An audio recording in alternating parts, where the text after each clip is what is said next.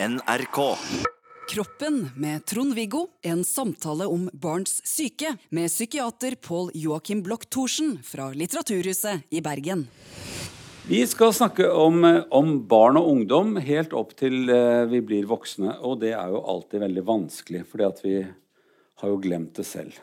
Det er jo lenge siden dette her. Ja. Ja, det er det. Siden du også var liten. Men det er jo dobbelt så lenge siden jeg var liten. ja. Men så er vi så Og det sa han så kjekt. Eh, eh, men allikevel så omgås vi jo stadig enten våre egne barn eller våre egne barnebarn og oppdager at mye er veldig likt. Mye gjentar seg, og barn er gjennom faser før de blir voksne. Og så er vi gjennom faser når vi er voksne. Det kan vi snakke om en annen gang. Men er, man, er jo, man er jo alltid under utvikling. Absolutt. Og vi har jo da fått i oppgave å føde barn som er helt hjelpeløse.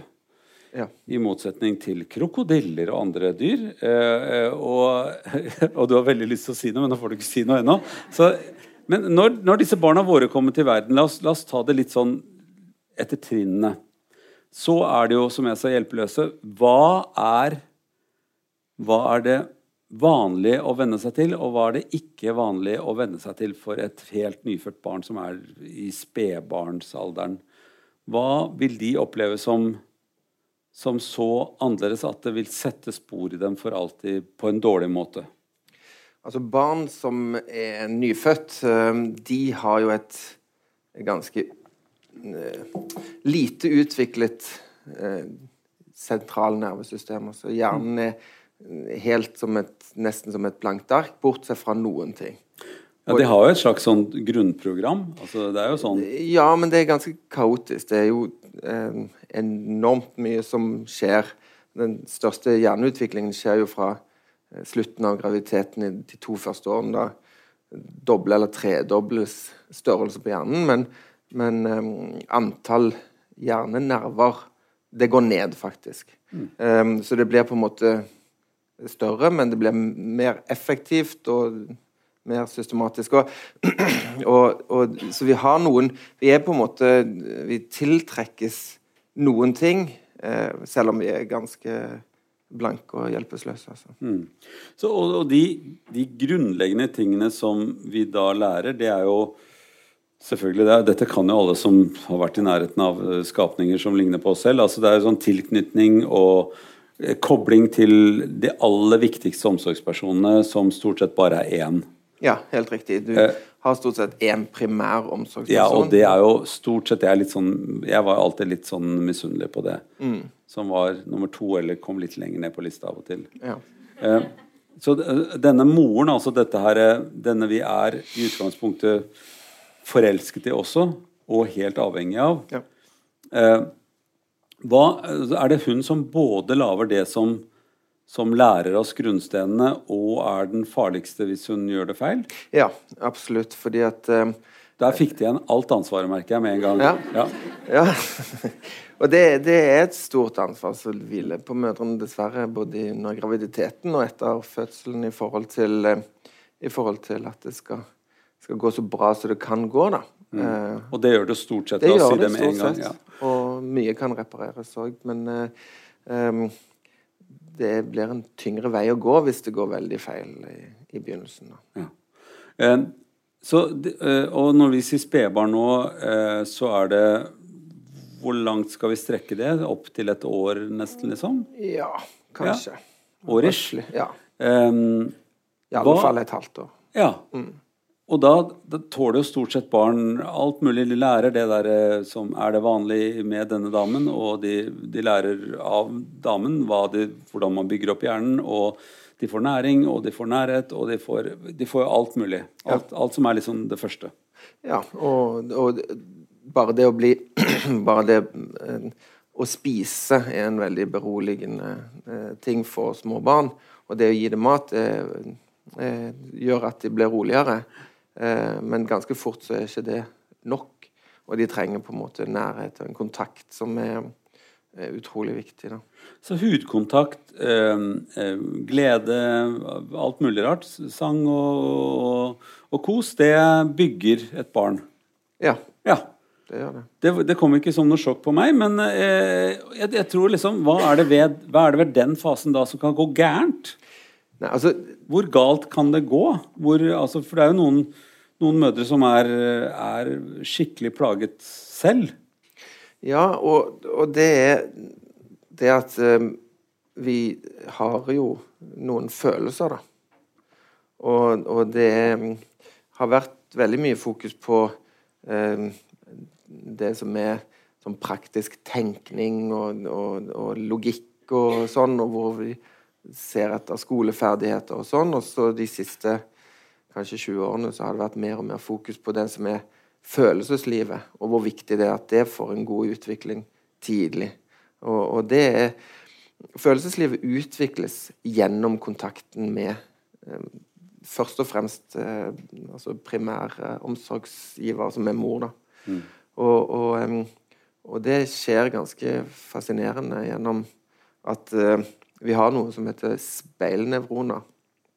Og det er det nærmeste du kommer sånn tankeoverføring som det går an å få komme. Ja. Altså, det vil si at uh, uh, hjernen plukker opp utrolig mange signaler, bortsett fra på en måte språk og, og sånn. Altså alle disse her eh, ansiktsuttrykkene og stemmeleie og ja, alt fra kroppsbevegelse, hvor fort du beveger deg, til om du ser vekk eller ser på. Og, og alt er ganske smart, altså smartere enn det vi tror, fordi at den tolker det veldig riktig. så det at når, når du er, ser interessert ut og sånn, så da, da på en måte begynner det å fyre noen sånne interesserte nervefibre hos meg òg. Hvis du hadde vært sint og aggressiv, så hadde det samme fyrt hos meg. Og, og, og denne her At, vi, at, at uh, mødre forstår eh, det lille barnet sine følelser og behov, og på en måte kan speile tilbake til barnet at her er det trygt, og det er ikke noe altså, Jeg ser du er livredd, men det er helt uh, ufarlig, og nå skal du få litt melk, og så roer det seg ned. Eh, det er vesentlig for at det barnet skal kunne regulere sine egne følelser på en bra måte senere. Så igjen så er det sånn at uh, psyken vår og følelsene våre og alt det det medfører, det henger sammen med kroppen. Altså kroppen husker og lærer seg systemet rundt følelser.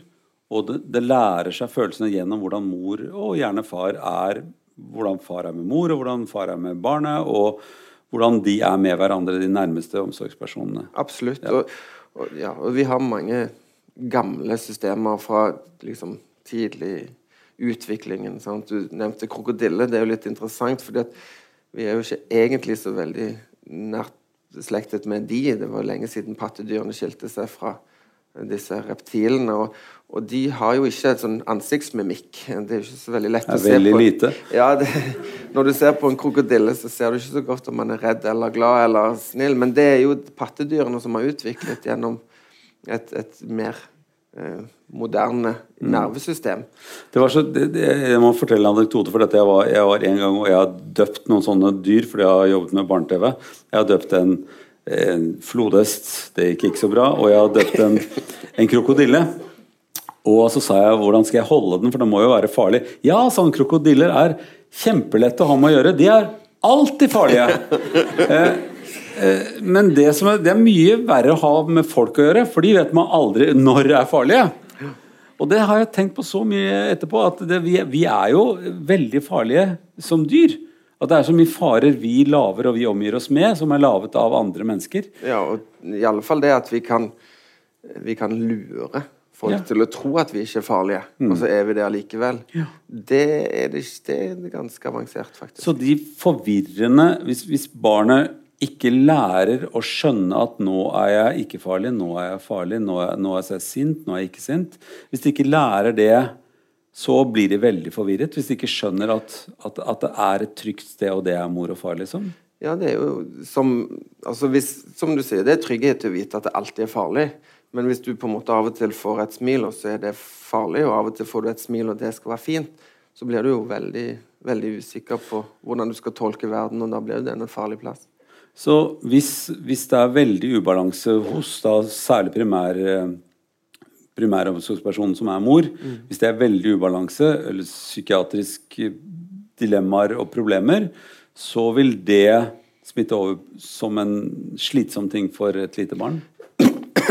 Absolutt. Hvis du har, hvis du har en, en lidelse mm. som gjør at uh, mor ikke har kontroll på sine egne følelser, og det er på en måte det viktigste verktøyet for at barnet skal utvikle kontroll på sine, så er det jo litt som den mm.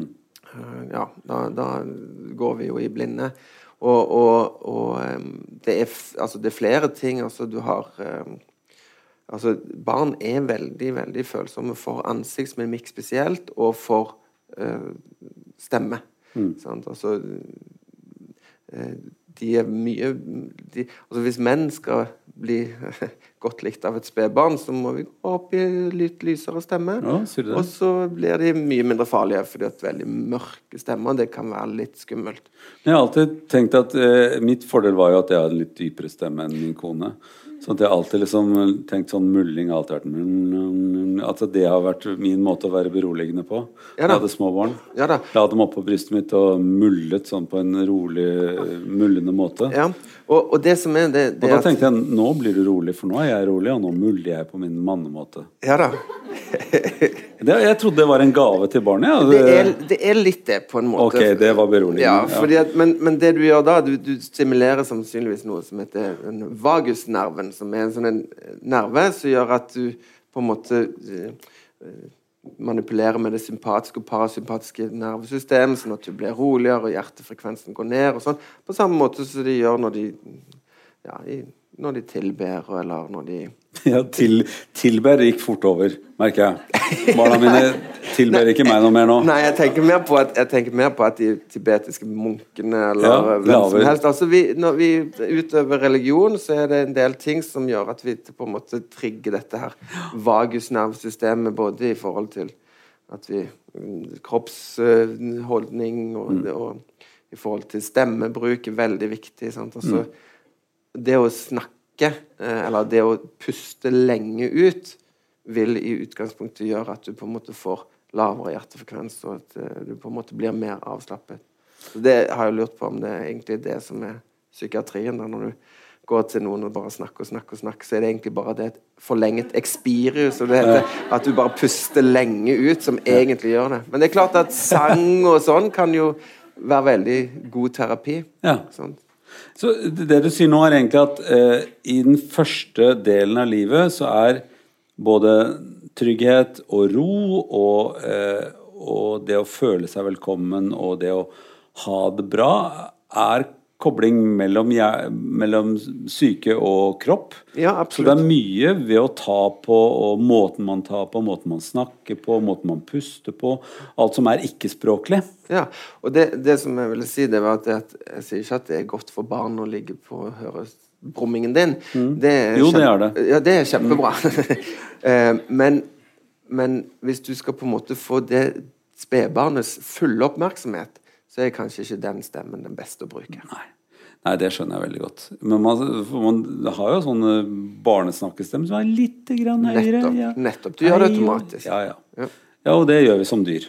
Så, når vi nå er, så, så, alt som kan forstyrre det som vi nå har brukt av godord om dette, det er med på å lage kluss i de, de, de, si, de laveste legoklossene i bygget. Absolutt. Altså at du du får vanskeligheter med grunnmuren og har dermed litt sånn mindre motstand når du bygger senere oppover. Ja da, det kan være årsak til de fleste måte, problemer som du får med både psyken og kanskje òg med fysikken etter hvert. Så hva vil du si eh, som eksempel på hva er, en traumatisk eller nesten traumatisk opplevelse for et så lite barn? Hva, er, hva vil det være? Ja, det, noe av det verste et barn som er så lite, kan oppleve, det er det som vi kaller neglekt. Altså. Og det er sånn folkemunne at det blir oversett. Mm. Overlatt til seg selv. At de behovene som det har, å formidle på sin veldig Iallfall eh, ganske tydelige måte, ikke blir hørt og ikke blir ivaretatt. At det ikke blir møtt med blikket, at det blir lagt til side og ikke er så viktig, liksom. Ikke for kos, ikke for mat, ja. ikke for trøst. ikke for sånt. De, de kan være livredde, de, men, men, hvis det på en måte bare blir oversett og Så det er, det, er, det er type traumer i den, den delen av, av alderen. Så kommer man opp i, så, så begynner man å være i, i, småbarnsalder, begynner å få et språk og begynner å bevege seg, og, og er ferdig med pupp. Mm. Kan vi sette en grense der omtrent? Ja. Så kommer du opp i språk og kan bevege deg og er litt mer mobil og er litt mer uavhengig, i den mm. forstand at du kan gå fra et sted hvis du ikke liker det. Uh, hva, hva hva er, hva, hva er, traumatisk i den alderen? Nei, det er jo ganske mye som er traumatisk eh, jo eldre du blir. Altså. Men hvis du tar den der første språkfasen mm. Eh, for utviklingen er da selvfølgelig at du lærer deg å snakke og, mm. og, og, og uttrykke mer forståelig for, for, de som kan språk, hva det er, hva det er du hva, ja, hva du har lyst på? Ja da. Og, og når, du er, når, du er, kommet opp i språkfasen, så, så, eh, så vil du på en måte kunne lage deg minner, da. Eh, og, og, vanlige minner, de er jo ofte ting du kan sette ord på. Men så har du traumeminner, som er på en måte veldig sånn sterke opplevelser. Og da kan det jo være alt ifra at du på en måte mm, ja, at noen blir kjemperasende på deg og rister deg og liksom eh, Sånne ting til at, eh, at du opplever en eller annen katastrofe eller krig eller noe sånt. Og traumeminnene de er ikke så verbale. De lagres mer som sånn eh, eh, bilder eller lukter eller sanser. Sant? Så, så eh, Men jeg, jeg, tror jeg vil gå litt tilbake, fordi at jeg ville sagt at vi har en litt mer motorisk fase før vi har den verbale fasen. Så selv om vi er veldig, veldig glad i å, å lære språk og lære veldig, veldig mange ord uh, hele dag, hele tiden, når vi er fra ett år oppover Men, men altså, vi er egentlig mer motoriske, da. Mm. Så vi, vi, utforsker verden gjennom sansene og, og, og, følelsene. Og det er klart det at, at uh, det har en tendens til å sette seg litt der hvor du er i fasen. Så hvis du på en måte har en, en, en, en nifs eller en vond, sterk opplevelse i den, så setter det seg jo veldig lett i kroppen og i kropps... Altså i bevegelsesapparatet sånt. Ja. Så hvis du ennå ikke har språket, men kan bevege deg litt, og har begynt å, å få litt kontroll over motorikken, så sitter ikke traumen nødvendigvis helt i grunnmuren, men det, det, det, er, det, er, et eller annet som setter seg i muskulaturen? Ja, ja. det kan det være. Og, og, og i, vi, vi driver jo da og, prøver å kontrollere vår egen altså Litt sånn regulering av våre egne kroppslige funksjoner. Sant? Altså, eh, både det med spising, men òg det å fjerne maten etterpå.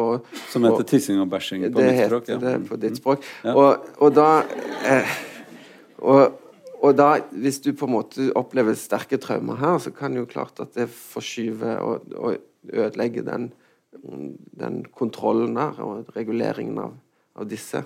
Ja, så hvis du eh, ville, ville si at man ikke får kontroll på å tisse og bæsje i den tiden man vanligvis skal få kontroll på det? Det er ganske vanlig. Ja. Så det, det, er vanlig? Det er et sånn tegn på at det er ja. noe som sitter fast, eller er ja, traumatisk? Det, det, kan det være. Det kan jo selvfølgelig være Er det andre ting? Er det noe med bevegelsesapparatet? Altså, kan man gjøre rare ting, holdt jeg på å si? Er det noen som sitter i musklene? Ja da. ja da, altså Du kan jo få smerter og vondter og, og, og, og, ting som på en måte er litt sånn vanskelig å, å, å, skjønne seg på. Du kan få En annen måte å kontrollere ting på er jo gjennom mat. sant, altså barn kan slutte å spise, eller um, um, Ja, og de rare, rare sånne sykdomstegn som, som, kan sette seg i kroppen, som de, altså, de har ikke så lett for å, å snakke om dette her. Så det du sier at hvis du, har, hvis det er et eller annet psykisk traume på en eller annen måte mm. som et barn har, så kan det se veldig rart ut ja, det kan. når du ikke har noe språk. Altså det kan være Én ting er tissing og bæsjing, en annen ting kan være bevegelser og altså øh, Som man ikke skjønner? Ja, ja, absolutt. Du kan Altså alt ifra de mest alvorlige traumene du kan få lammelser, og, og ja, til, til, at du på en måte har problemer med å spise, problemer med å svelge, problemer med å gå på do, eller mm. har problemer med å regulere dette. Og, og, og noen sterkt altså Hvis det er traumatiserte barn, så kan de òg ha problemer med å regulere liksom, eh, det å, å, kle på seg når de er kalde, eller å ta mm. av seg når de er varme. Så de er på en måte de er litt sånn avkoblet sitt eget sånn følelsesapparat. Mm. Og dette er barn som også igjen kan ha opplevd dramatiske ting som kanskje man ikke skjønner i utgangspunktet er traumatiske? Ja da, og, og, det med traumer er jo Altså, vi vet at neglekt og misbruk og overgrep er, er, er farlig. Og, og eh, faktisk eh, høres helt utrolig ut, men det å neglekt er kanskje den aller farligste. Men, men det er litt sånn som um, Neglekt, hva skal vi si på norsk? Beklager. Det er å, å overse barnet sitt, ja. og på en måte ikke til, til dens behov. Og, og, Omsorgssvikt. Om, ja, rett og mm. slett. Men på et veldig, veldig Altså på alle planer. Mm. Men det kan man jo skjønne. Altså, nå, jeg tenker på Hvis man er i en veldig vanskelig situasjon som den lille familien, uansett mor og barn jo, eller større, i, i krigsområder eller er en katastrofe, så er det jo veldig lett at man tenker nå må vi prioritere, nå må vi først komme herfra til hit og komme bort fra det. Og, og, da kan vi ikke tenke så mye på barnets behov. Mm.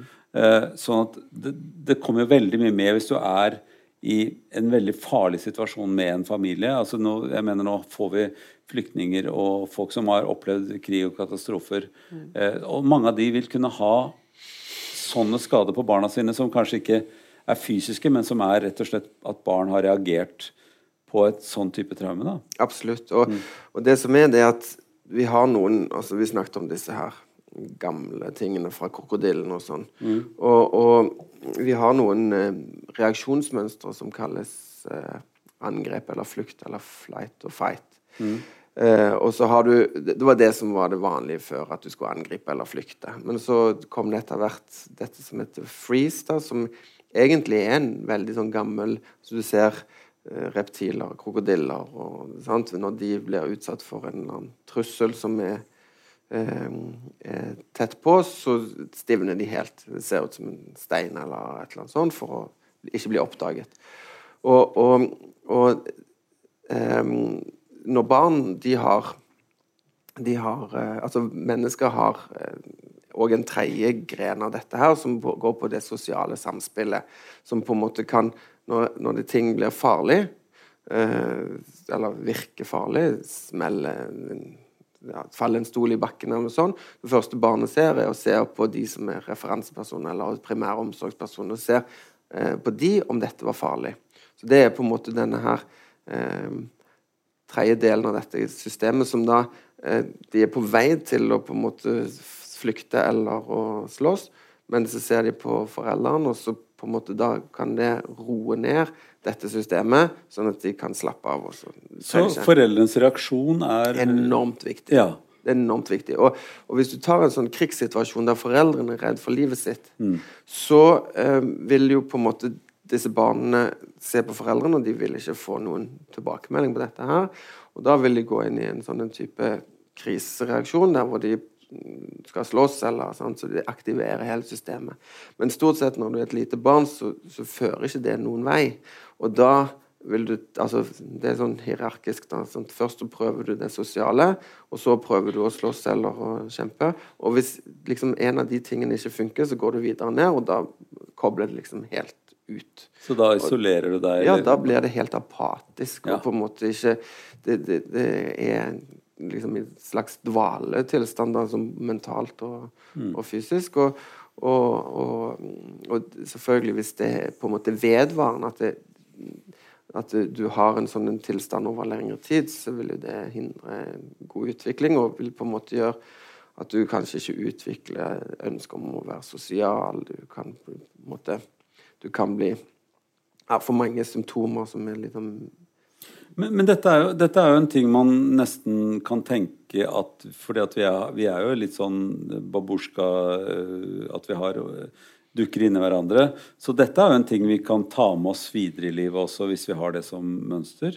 Ja da. Eh, sånn at man kan jo godt sitte med den lille babusjkaen inni seg ganske langt opp i alderen hvis man ikke har fått, fått liksom ryddet opp i det tidligere i livet.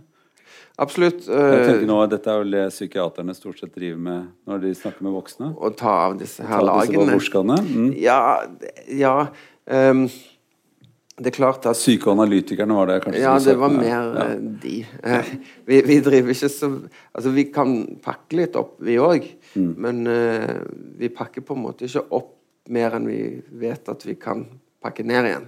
Og det er litt viktig. Mm. Fordi at det er nok mange som har liksom vist veldig mye, og så er det ikke så mye å gjøre med det. Det Mm. var 20 år siden, og det, minnet står der ennå. Og liksom Ja. Og så får de ikke noe hjelp av den som sitter og lytter på. Føler de, da. Mm. Og så hjalp det ikke. Nei, det, det, det hør- det hørtes plutselig at nå var jeg inne i en helt ny bok som har veldig mange sider i seg. Så jeg tror vi rykker tilbake igjen til eh, barne- og ungdomsboken vår. Eh, For det, nå, eh, La oss gå litt videre til de barna som da kan si noen ting. Ja. For eh, det er jo For de fleste menn så er det en, en veldig viktig del av barndommen når man endelig har en, et poeng.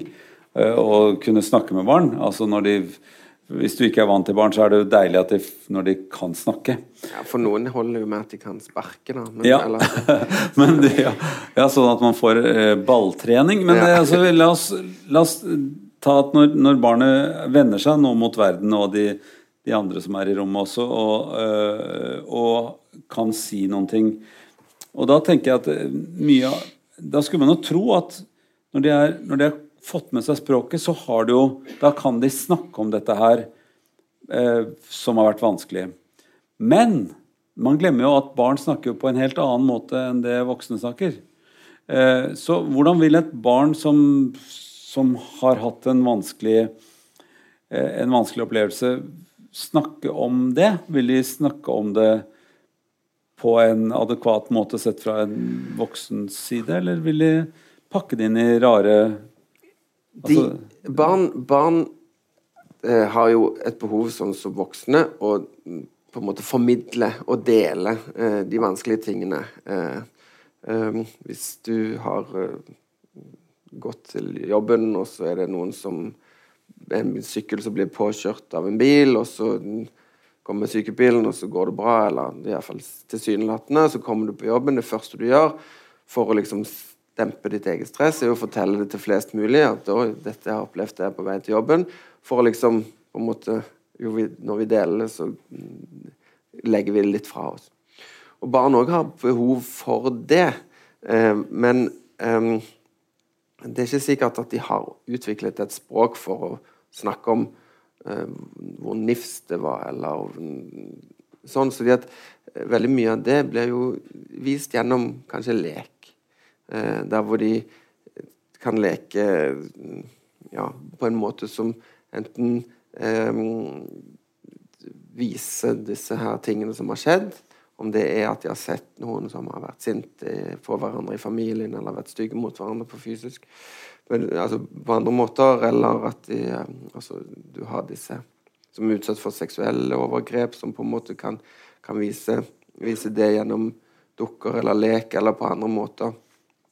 Eh, og så kan du ha de som på en måte eh, viser det eh, gjennom atferd. Altså, de kan være eh, det som du kaller oppmerksomhetssyke, eller de skal ha liksom eh, ja, lage drama, eller um, ja, Så du kan vise det på Men dra, nå drager drama, det er ikke sånn teaterforestilling, men det er at de lager en dramatisk situasjon, er det du Det prøver å kan nesten av og til være en slags teaterforestilling. Mhm. sant? Altså, det, det, det, de, de kan um, eh, De kan spille ut følelser som er mye sterkere enn det som egentlig du skulle tro i forhold til hva som egentlig hadde skjedd.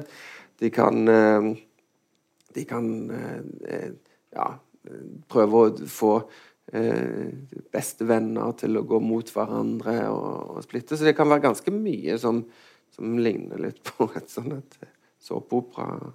Men, men, men har et mye neg mer negativt fortegn, fordi at, fordi at eh, altså, det, det de gjør, er å prøve å altså de er følelsesmessig dysregulerte. Eller de Så de forteller historien med, med de redskapene de har. Det er ikke Ja. nødvendigvis en, en sånn Man kan ikke faktasjekke den etterpå, men det blir et, et eventyr som forteller noe som ligger under på en eller annen måte. Ja, det kan det være. Ja. Det kan. Og det kan de gjøre både fysisk og altså, altså Vi tenker denne utviklingen som har vært, at de kan gjøre det med den fysikken de har, eller de kan gjøre det med det språket de har. Ja, og, og det, det som er Eller det de kan sosialt også. Ja, men det som er viktig, det er jo at eh, at eh, På samme måte som når du kommer på jobben og forteller om denne syklisten som ble påkjørt eh, Litt kan jo være fordi at du liker å fortelle historier, og synes at, jeg tror at de på jobben syns det er veldig underholdende å høre om en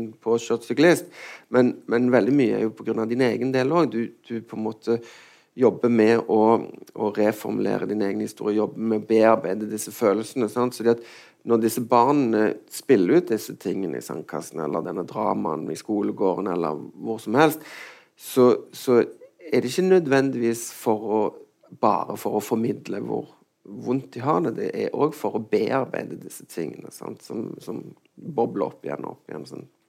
Så de kan for en, et kjent øye, eller en som da tenker nøye over hva de ser eller opplever, så kan de se at det er noe annet enn bare en fortelling. Det er, no, det er, det er, no, det er en reaksjon på et eller annet. Ja. Eh, for dette høres jo, Sånn du forteller, så høres det ut som det kan ha så mange uttrykk at det er ganske vanskelig for oss som da ikke ser som traumatiserte barn til daglig, å oppdage det. Altså, nå blir det jo eh, folk som jobber i skole og barnehage og sånn, de blir bedt om å rapportere ting hvor det ser ut som barna har det dårlig på en eller annen måte. Men det høres jo veldig vanskelig ut Ja. når det er så mange uttrykk. Ja, og det, og det er det for så vidt òg, fordi at det, det har en sånn imitatorrolle, disse traumene. Sant? At uh, um, av og til så kan du få en del hint om hvor du skal lete henne hvis du, du, du finner et traumatisert mann. Men andre ganger så er det på en måte så totalt kaos og så vanskelig at, eh, at det er De kan få Altså, jeg jobber jo på Barneposten på Haukeland, og vi kan få inn små barn som er spørsmål om de, altså veldig voksne eh, psykiatriske lidelser. har Spørsmål om de er psykotiske, eller om de har en bipolaritet, eller om de på en måte eh, er autistiske, sant? som er eh, ja, kan være veldig, veldig alvorlige diagnoser. Eh, som, som bunner i at de har en De er i kaos fordi at de har ingen regulering. De har, de har ingen god de har, ikke, de har ikke et språk for å formidle dette her, og de, de prøver desperat å formidle det i alle kanaler samtidig. Og da blir det ganske vanskelig å, å se det altså, Min datter ser på iPad og ser på TV og hører på jeg vet ikke, et eller annet eh, med mobiltelefon og tekster samtidig. Sant? Jeg klarer ikke det. Eh, og, og, og, og da, da sier du ikke fordi jeg er mann, du sier du, er, du klarer det ikke for, fordi du er voksen, eller fordi du, Ja, jeg, jeg, fordi du, er, du er litt sånn rar, ja? Eh, Ja, jeg tror, jeg tror jeg er veldig dårlig til det. Ja. Nei, nei, jeg tror, innsikt. ja, jeg, tror, jeg tror at det er noen som kan gjøre det mye mer. Mm. Men, men poenget er at hvis, hvis på en måte alle kanalene står åpne samtidig, så blir det veldig vanskelig å på en måte sortere. Men dette er jo En ting er at det er vanskelig for barn. altså Når man tenker sånn er en, eh, man, tisser eller bæsjer på seg mye lenger enn man skulle i forhold til eh, Og det behøver ikke nødvendigvis være at er, har, man har en grusom historie å skylde. For det er jo noen som da har en litt lengre modning på en del ting. Eh, og det kan også være sånn med at det er noen som har en veldig livlig fantasi eh, og forteller helt grusomme ting som ikke har skjedd, og at det er en måte å, å, å, å være dem på. Men så kan det også være begge deler, som, vi nå, som jeg nå snakket som eksempel. At det kan være at det ligger noe under det som kanskje trenger en regulering eller et, en Altså få hjelp på en eller annen Ja. måte. Og, og Hva, som, skal man gjøre når man er nære barn som ikke er ens egne, og, og man kjenner historien til, og sånne ting skjer da? Hva, hva ville du rådet disse menneskene til som jobber med barn og unge? Som opplever sånne ting? Veldig, Enten så kan man jo rope alarm, og så er det ikke noe alarm å Ja. rope. Og, eller ikke rope alarm, og det er virkelig noe alarm å rope. Altså, eh, jeg tenker at Barne- og ungdomspsykiatrien har jo en viktig rolle eh, oppi det i forhold til at av og til så kan det jo være veldig vanskelig. Du har andre eh, instanser, liksom barnehus og sånn, som er veldig flinke til å avdekke sånne traumer. Eh, men eh, jeg tenker at det som barn først og fremst trenger, er jo trygghet. Og, og, og, og så trenger de å bli sett og komme i en god relasjon med noen. Og så trenger de å på en måte av og til bli regulert i forhold til følelser. Altså følelsesregulering. Og, det er en veldig fin måte hvis du gjør alle de tingene, gir trygghet og kommer i en god posisjon og jobber med at når den er kjempesint på deg, så klarer du å tåle det, og så viser du tilbake at det er helt greit. Um, og at vi skal stå sammen om dette her. Så ikke bare er det en måte at barnet kan komme og senere ha trygghet til å avdekke hva de faktisk har inni seg um, av, av vonde opplevelser. Uh, det er òg en av de bedre behandlingene for traumer. Så da gjør du på en måte to ting på en gang. Sant? Altså, så, så, og det gjelder hvis du kommer fra Syria som flyktning, eller om du har vokst opp i et uh, vanskelig hjem. At uh, trygghet og få kontakt med andre og, og, kunne på en måte få hjelp til å regulere disse følelsene, er liksom litt sånn universalt. da. Så eh, de som kommer i kontakt med barn som viser at de, enten så er det noe, noe som du sliter med, eller så er det noe som er, er uregulert rundt deg, så er det samme du gjør som behandler, det går det an å gjøre som nære disse barna. Ja. Hvis det er noe som Kanskje ikke alt, da, men Nei, jeg skjønner det, jeg også. Men altså, det, det, det, er, det er ikke noe feil i å bry seg. Bry seg, se barna i øynene, snakke med dem, være den trygge personen. Nei. Det vil i seg selv både være legende, og det vil også kanskje avdekke noe som da Da vil barnet kanskje komme med et annet uttrykk og kanskje si ifra om noe som det har lyst til å si ifra om. Ja da. Og det som er, det er at de som er veldig flinke til det, som gjør dette her helt naturlig eh, de, Det som er på en måte eh, kan være vanskelig for de som intuitivt ser at dette barnet trenger mer av alle de tre tingene, de får jo av og til levert noen eh, historier som er vanskelig å forholde seg til. Og, og da er det jo ekstra viktig at du viser at dette tåler du, og at du ikke skal behandle det eller gjøre noe med det selv, men at da vil du gå videre med det og få hjelp av spesialisthelsetjenesten eller andre. Sånn at eh, hvis du da på en måte viser at alt det som du sa, at det kom med og Altså det, det du formidler uten å si noe, da, det at eh, jeg skal ta vare på deg. Og så når de da viser sitt, eh, sin mørkeste hemmelighet, så, så klarer du ikke det allikevel. Det er jo et, det er et tillitsbrudd som er ganske tøft. Og da er det ikke sikkert at disse barna åpner seg eh. Så hvis man, eh, hvis man kommer så langt at de har avslører et eller annet som, som kanskje var verre enn det du trodde, så er ditt råd at da må man virkelig stå der og være i det sammen med det barnet. Ja. Inntil de får en annen type hjelp. Ja da. Og det er jo noen som faktisk unngår å komme i den posisjonen fordi at de faktisk er redd for det som kanskje kan ligge bak. Og, og det er jo litt um, Altså, jeg forstår eh, det hvis du ikke har noen uh, Verken kompetanse, og spesielt hvis du har egne erfaringer som er veldig vonde, som på en måte blir trigget av dette, så er det noen som skjermer seg fra de tingene.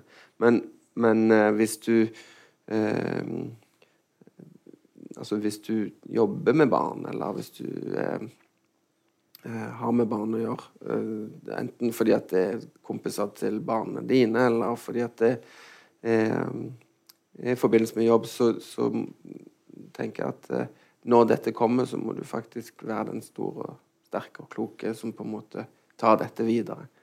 Og et av mitt poeng ville være da at det må man jo være, altså det er man jo, som har blitt eldre. Altså når, når du har blitt eldre enn barnet, og når du har en, du har en voksenhet, så har du i utgangspunktet mer ressurser til å ta imot en sånn ting enn eh, enn det barnet som har det, den smerten?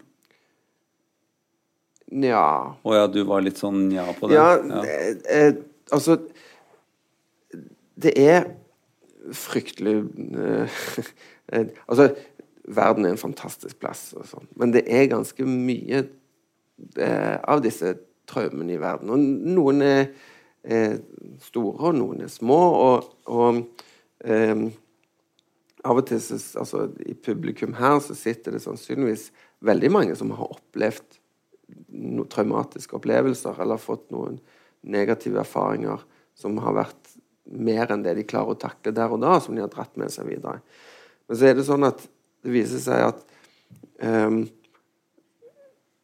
Kanskje mer enn å se på enkelttraumer, så må du se på hvor mange traumer du har opplevd. Og, og, hvis du har opplevd mange og forskjellige typer traumer over tid, så er det ganske alvorlig og, og kan gi mye mer enn psykiatriske sykdommer. Det kan gi veldig mye fysiske sykdommer. Du har det som kalles epigenetikk, som er noe som de forsker mer på nå, som viser at, at du kan skru av og på disse her arvematerialet ettersom hvilken, hvilken situasjon du er i, og hvor du på en måte befinner deg. Du kan ikke skru det av og på selv, det mener du ikke? Du er ikke så gæren? Um, Nei, ikke, kan... ikke, direkte. Nei, det var fint du sa. Ja.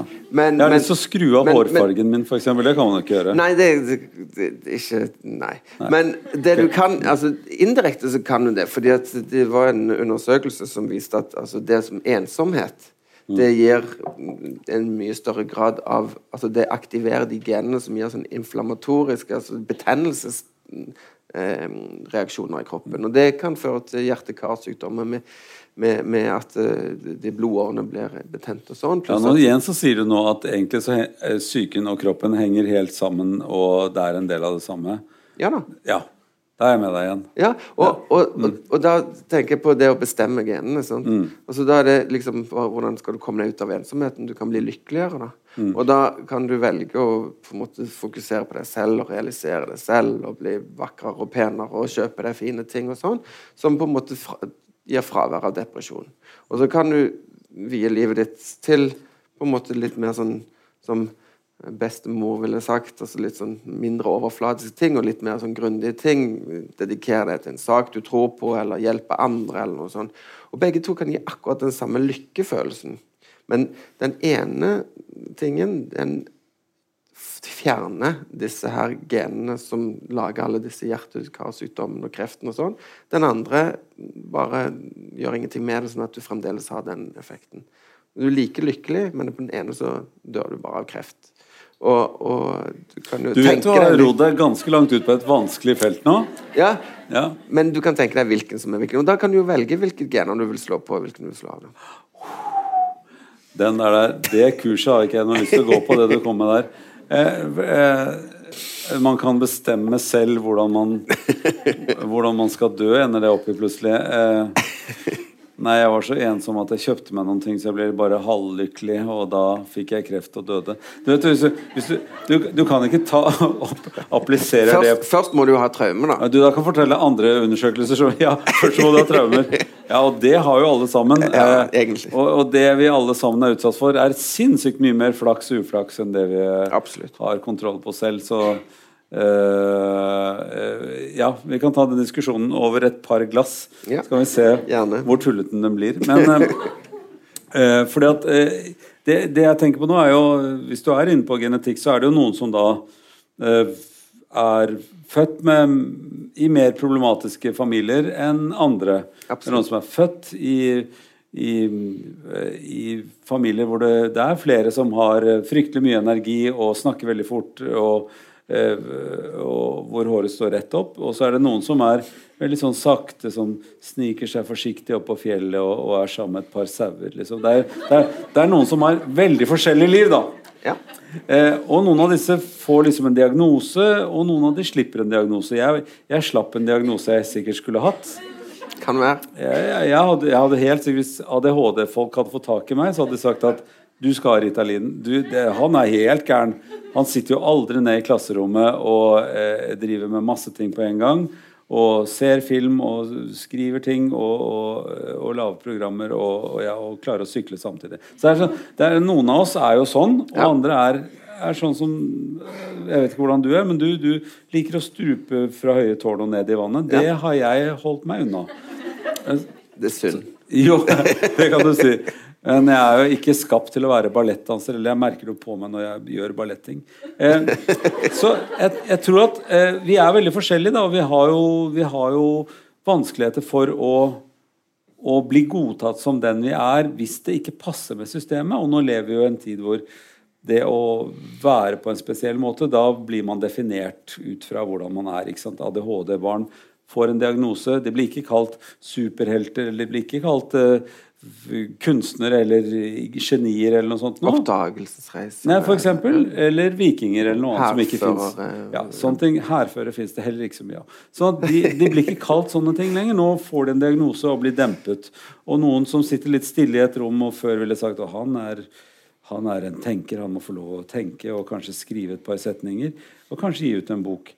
De blir nå sett som å, ja, de er sinker eller de er nerder. Eller, altså de får en definisjon. Så vi driver jo og kanskje bokser oss og, og, og, diagnostiserer for mange mennesker. Så mitt spørsmål til deg blir altså Du ser disse barna. Er det, er det noen av de som du har sett som pasienter som du ville sagt at med en annen definisjon så ville disse ha hatt det mye bedre? Med en annen definisjon? Ja, altså med, uten en diagnose, eller hvis de bare hadde fått lov å være, være ja, altså, sånn som de er?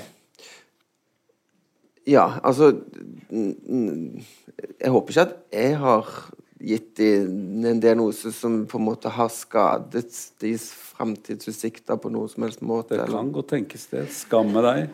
Ja, og det beklager jeg ja. overfor alle de som eventuelt det har skjedd med. Men altså, sånn som jeg tenker på diagnoser, så er jo det en ferskvare. Det er en, på en måte en arbeidsbeskrivelse. Det er ikke noe mm. som definerer deg som person. Altså En som ikke har en diagnose, det er jo bare en som ikke er undersøkt godt nok. Ja. Så det at, altså, du, du, alle, alle, vil jo få det hvis du bare vil, mm. men det, det, er jo litt av problemet. Altså, skal du ha en diagnose, så skal du ha en, på en, måte, en lidelse. Du skal ha et funksjonstap. Du skal ha noe som på en måte gjør det vanskeligere for deg mm. å, å, å, fikse det du vil fikse. Mm. Og Hvis du ikke har den vansken, eller ikke har noe som på en måte skal fikses, så, så, trenger du heller ingen diagnose. Men tror du, for at, La oss si da teoretisk sett at jeg var en liten ADHD-fyr da jeg var mm. liten. Men jeg vokste opp i en slags ADHD-familie. Altså Vi hadde, hadde, en gæren onkel som sprengte dynamitt og ropte hurra og, og sånne ting. Mm. Eh, sånn det jeg syns ikke det var så rart å være sånn som jeg var, og det syns ikke de andre som var rundt meg. Ne. Men hvis jeg hadde vært en sånn altså Hvis mitt egg hadde blitt plantet i en annen familie, så hadde jeg kanskje fått en diagnose med rette, kanskje, og blitt dempet. Eh, altså at, at Som et gjøkebarn, liksom. Ja, ikke sant? Ja, er... men, men, kanskje vi er, og nå sier du epigenetikk og sånt, at vi skrur av og på ting, men kanskje vi rundt gjør noe med et individ som er et barn, ved å ikke stimulere eller stimulere den ressursen det barnet har. Absolutt. Ja da. Og det er jo klart at, eh, som du var inne på flaks, det er jo klart at eh, mm, vi har jo alle flaks som er født i Norge, da, eller bor her, og, og, og med alle de ressursene som vi har rundt oss. Og du kan ha flaks med å bli født i en familie som, som stimulerer og sånn, eller du kan ha, ha, noen utfordringer, vil jeg si, med å være født inne der hvor du har noen som drikker alkohol, eller har en, en, en eller annen psykisk lidelse i nære mm. omsorgspersoner. Sant? Så, og har vi også laget et samfunn som, um, som gjør det vanskeligere å, å ikke Altså vi snevrer perfektområdet. Altså Absolutt. at det blir trangere og trangere å være sånn passe normal. Ja, det, nei, det er ikke noe plass til det. Nei, nei, og du, du, er ikke noe imot med en definisjon heller. Altså vi laver Vi snevrer inn hva det er som er å være bra. Hva det er som er å være, ja, vi, bra nok. Ja, jeg tenker at, jeg tenker at vi dytter det iallfall opp, sånn at grensen for hva som er akseptabelt dårlig, mm. er veldig, veldig høy nå. Sant? Altså, du kan, altså, vi, vi godtar jo Magnus Carlsen, for eksempel. Sant? Eh, selv om han er litt over gjennomsnittlig flink i Og ja, så, ja, nå tenkte jeg plutselig at det var noe gærent med han. Tenkte, Nei, altså jeg tenker Vi, vi, vi kan godt ta en Petter Northug eller en, en Altså vi kan godt ha liksom de der enerne Ja. Mm. som er bedre enn alle andre. Men, men den nedre grensen for hva som er akseptabelt, hvor dårlig det er lov å være og allikevel være normal, Mm. den er kommet veldig høyt opp. Ja, Så du sier at det blir, det blir større avstand mellom Northug og, og, og en som ikke klarer å komme seg opp på skiene i det hele tatt, på en måte? Ja, Altså, den, den Northug er liksom bare toppen beklager dette, Petter, at det ble så mye snakk om deg. Ja. ja. av Apropos ADHD. Ja. Men altså Nord Northug eh, eh, ligger jo på en måte ganske ikke, ikke så forferdelig langt vekk fra det som vi kaller normalt. sant? Mens, mens det som er normalt, og ned til de som på en måte ikke takler det, eller ikke de som faller gjennom, er blitt enormt høyt. Og det er fryktelig nifst, faktisk. Fordi at før var det mer en sånn OK, ja, noen var brydde seg ikke om skolen, og det kunne være fordi at de var traumatisert, eller fordi at de ikke ble stimulert, eller hadde andre ting som gjorde at de ikke prioriterte det. Og så hadde du de som prøvde litt, men de var ikke så flinke, og så hadde du de som prøvde hardt, men, og de fikk det nesten til, og så hadde du de Du hadde mange kategorier oppover. Sant? Så det at, eh, falt du litt ned en periode, så falt du bare ned i den kategorien under. Og den kunne du på en måte være litt i og kose deg i, og så kunne du liksom ta det sammen, eller ting roet seg ned, og så kunne du komme deg oppå igjen. Nå er på en måte det ikke Det er liksom ingen kategorier igjen. Du har de som er vellykket og klarer seg og fungerer omtrent som ja, De fungerer nesten som små voksne. De, de, de er interessert i politikk, og de, fikser datamaskiner, og de gjør hva som helst. De er helt fantastisk vellykket. Eh, det var hermetegnet jeg prøvde å vise. Ja. det kom på etter radio. Og så, og så ehm, og så har du ingenting under før de som på en måte ikke takler. Og da hvis du kommer, støter på en sånn fartsdump i livet der hvor du på en måte ikke klarer å holde følge med de som springer i 120, sant? hva skal du gjøre da?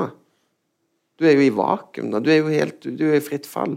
Så kommer du ned til liksom de som ikke takler det i det hele tatt. Det er jo forferdelig nifst. Du har ikke noen, du har ikke noen som er litt under deg, som du kan være litt med og bli litt sånn, få litt selvtillit, og så komme opp igjen.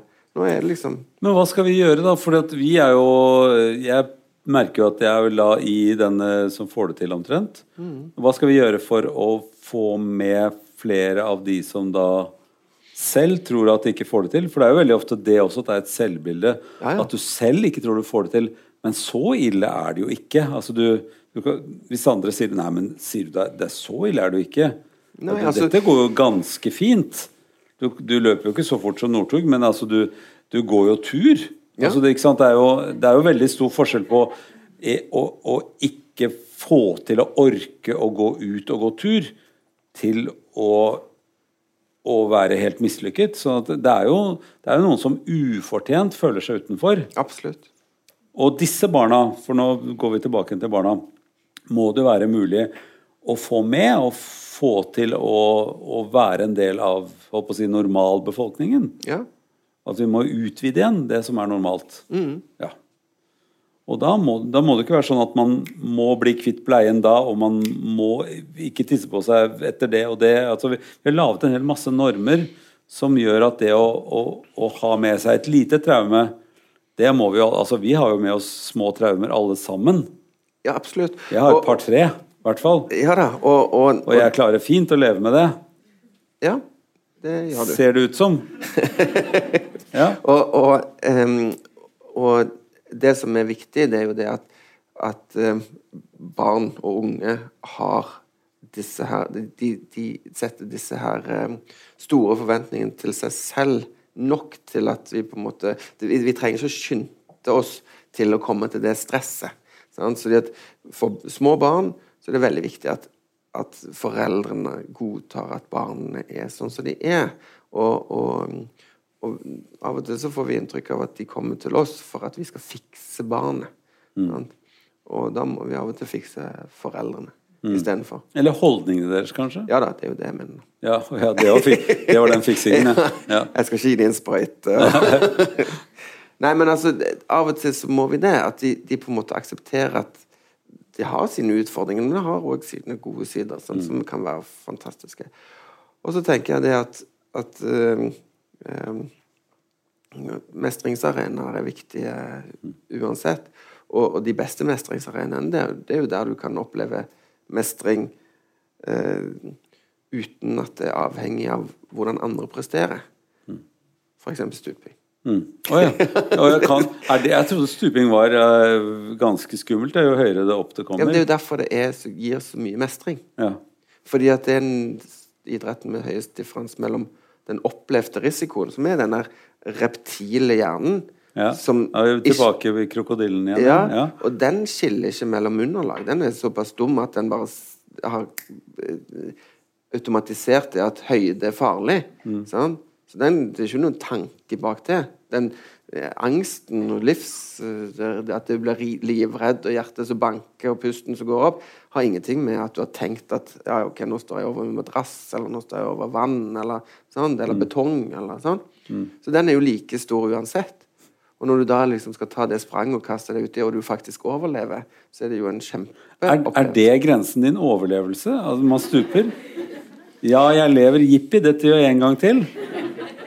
Nei, men men, men, men, men mestringsfølelsen du får mm. når du faktisk har overlevd, kan jo være helt euforisk. Altså, det er noe som skjedde, og så tenker du at oi, dette var livsfarlig. Altså, type sånn at eh, hvis, hvis, du kjører på glatt føre med bilen, og den plutselig begynner å spinne rundt, og du tenker at oi, mm. min siste time er kommet, og så stopper du helt fint, perfekt langs i en busslomme. sant? så er det jo folk helt kjempeglad. ja. Men de tenker ikke 'nei, dette skal jeg gjøre mer av'. Ja. No, no. Det er et veldig, veldig, For det var skikkelig gøy. Ja. Det er et veldig godt poeng. Ja. Men da tenker vi at okay, da, da, legger vi vekk denne krokodillehjernen, og så tar vi på den andre hjernen, og så tenker vi ok, ja, men dette var jo fordi at jeg liksom manipulerte mine egne angster. For det du snakker litt mer om nå, er jo at det, det fins mange måter å, å, øve seg på å få til ting, og øve seg på å leve med ting, og øve seg på å godta. Absolutt. Og, det, og igjen så er jo denne hjernen som vi snakket om helt i starten, som har disse speilnevrosene, som sier at 'jeg ser deg', 'jeg syns du er fin', 'dette går bra', den, den er også den hjernen som, som eh, som lærer oss å få til ting og er plastisk og kan lære oss at dette er ikke så redd, man bør ikke være så redd for dette her, det kommer til å gå fint. Og det kan vi gjøre selv etter hvert når vi blir voksne. Og det kan vi appellere til andre mennesker å gjøre også. Så når jeg da sier det med stuping, så er det jo fordi at jeg har jo ikke øvd noe særlig mer enn at det er tre meter over vannet. Men det, det vanskeligste var jo bare å få hodet først ut i vannet. Det var var den angsten som var vanskeligst å få til. Så det der å, å finne utfordringer for barn og si at det gikk ganske bra, jeg skal være her for deg, du kan prøve igjen. Og nå snakker vi jo helt på hva driver man med med barn? Ja. Og, og så, så er det så viktig med den her altså relasjonen igjen. sant? Mm. For det du sier med speilnevroner når, når, et barn da har som kanskje ikke har så mye mestringsopplevelse, som på en måte ligger i og, og kanskje har falt ned fra disse som presterer helt mm. supert og mer enn de har prestert noen gang. Sant? Altså, barn er jo altså, Ungdom nå i dag er jo helt sykt perfekt, for å si det sånn, altså, for å bruke det uttrykket. at de, de gjør alt riktig. De drikker mindre, de slåss mindre, de, altså, de er flinkere på skolen. Alt er altfor bra. Sånn at hvis det er noen som på en måte da har falt ned og ligger der hvor du på en måte føler seg totalt mislykkes, mislykket. Når de gjør noe sånn, om det er stuping eller om det er ski, eller hva som så har de en god relasjon til en, en god person som faktisk ekte er stolt av hva de får til. Når de er ekte stolt, så vil jo de speilnevronene i denne gutten eller jenten fyre, og den vil oppleve en mestring sant, som er kanskje det viktigste for å måte, få et godt selvbilde. Så, så det dette, Nå sier du noe om en, en, en, stor kulturell ting. altså det at vi, vi, kanskje nå er for lite snille med hverandre i forhold til å være, være glad for at du får til i det hele tatt. Ja, og lære seg å akseptere og lære seg å være glad i seg selv og lære seg gjennom å være sammen med andre og få lov å være den man er. Absolutt. Ja. Det, det er kanskje noe av det viktigste. Sant? Altså, du, hvis, hvis vi ikke skal gi dem traumer med å ikke klare skolen, det er jo det at du, du er stolt av å være deg. Men uh, disse følelsene og reguleringen av disse følelsene, de skjer ikke alene. De skjer gjennom kontakt med andre.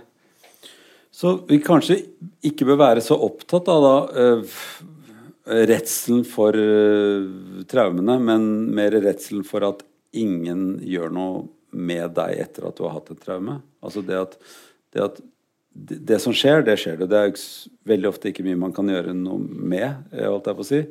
Eh, Det var egentlig litt slurvete sagt, men jeg, jeg mente mer at det, når det først har skjedd, så er det ikke så mye man kan gjøre med at det har skjedd.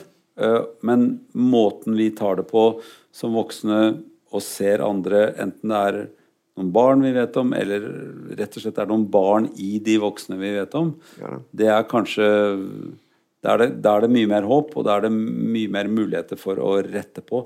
Som en sa til meg en gang som var, hadde det veldig dårlig i barndommen sin. Han sa det er aldri for sent å få en litt bedre barndom.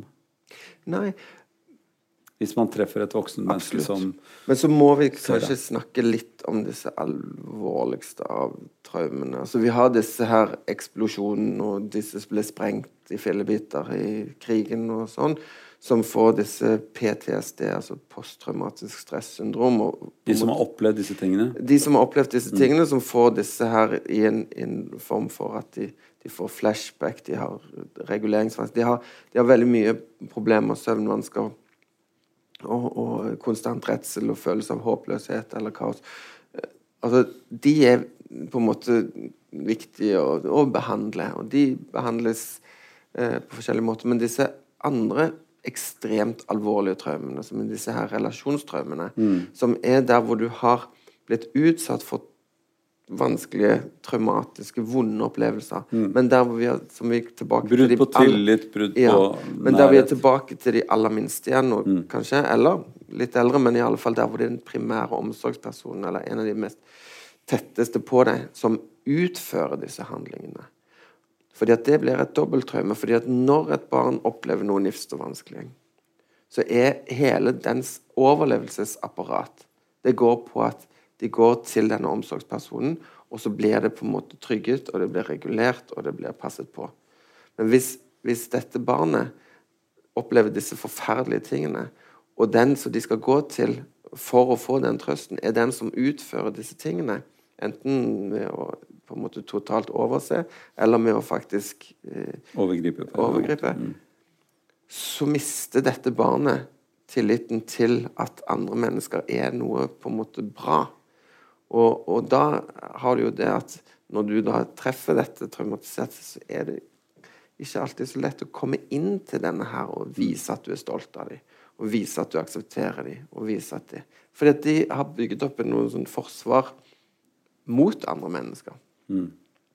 Så det, det, det er de vanskeligste å, å jobbe med. Og da kan ikke vi som er langt unna gjøre spesielt mye. Vi må stole på at det fins både systemer eh, som heter barnevern og psykiatrien til å hjelpe disse barna, og, og da er det faktisk håp.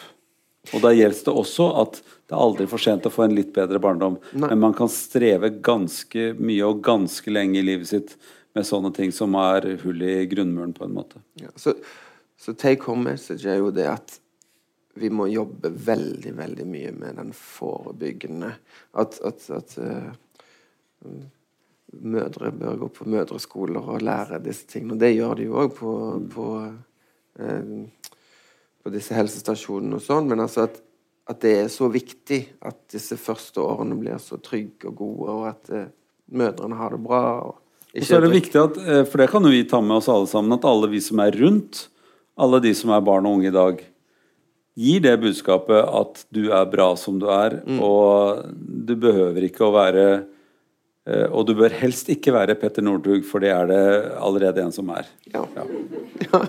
Veldig hyggelig å snakke med deg, og tusen takk for at dere kom. Jo, takk.